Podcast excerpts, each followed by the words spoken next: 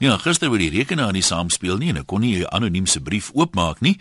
Dit het gesê ek sal dit vandag lees en hier het ek hom nou. Vandag se brief is getiteld 'n 3 met byt. Ek tel mense van alle lae van die samelewing onder my vriende. Sommige ondersteun die leeu's en WP, daar's 'n cheetah of twee, 'n enkele Griekwa en Sharky en selfs 'n paar met horings en neusringe. As ons saam rugby kyk, kan dit maar remoedig raak. Maar soms is daar darm 'n paar filosofiese ondertone by, soos die naweek. Ben Brill was effens bitter, want hy wou snoek braai, maar ons het hom uitgestem. Die beginsel is tog duidelik, sê hy. 'n Mens moet kronologies na die gebeure kyk. Marnits Boshoff het reeds die bal vorentoe verloor toe Damien Elende deur die verkeerde hek op hom geduik het. Dis hoekom die ref vir die TMO gesê het, "Check the grounding, please."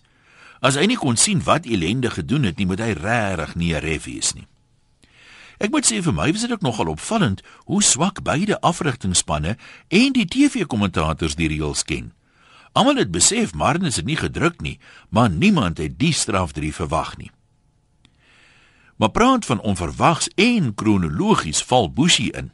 Het jy al ooit gesien dat 'n man iemand byt uit pure baldadigheid nadat hy 'n 3 gedruk het? Ek kan verstaan as iemand op jou lê en jy ondervind asemnood dat jy sal byt om plek te maak vir lug. En ek kan verstaan as Adrian Strauss hy Samohan wou doodbyt uit weerwraak. Maar wie vier 'n 3 met 'n byt? Piet Ben is die prokureur in ons groepie en hy sien 'n kausale verband met 'n motorongeluk. Jy sien baie aan die hof wat 'n ooggetuie 'n motorongeluk in sy kop rekonstrueer en dan getuig of hy dit alles self gesien het. Hy dalk net die slag gehoor en toe hy opkyk, toe sien hy twee voertuie het gebots.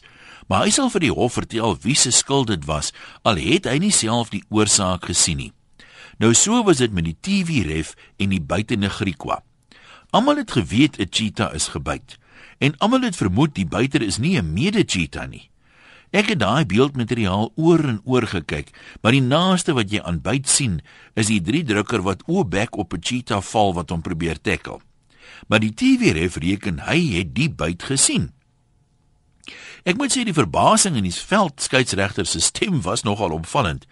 Hy sien dieselfde beeldmateriaal as ons almal op die groot skerm en toe die TV-skeieregter sê hy het evidence of a bite, het ek dadelik gewonder wat dit nou beteken. Ek meen die bytmerke was klaar op die slagoffer se arm, so ons het nie eintlik dit nodig gehad nie. Ons soek evidence of the biter. Toe die skeieregter vra, "Did you see it?" wou die TMO seker nou nie 'n goeie storie met feite bederf nie. Wel, ons sal maar sien wat bevind hulle in die verhoor. Gelukkig is dit nie 'n Aussie of 'n Kiwi wat voorsit nie. Maar besef julle hoe tekenend die insident is van die veranderende tye waarin ons lewe, wonder oom Koos hardop.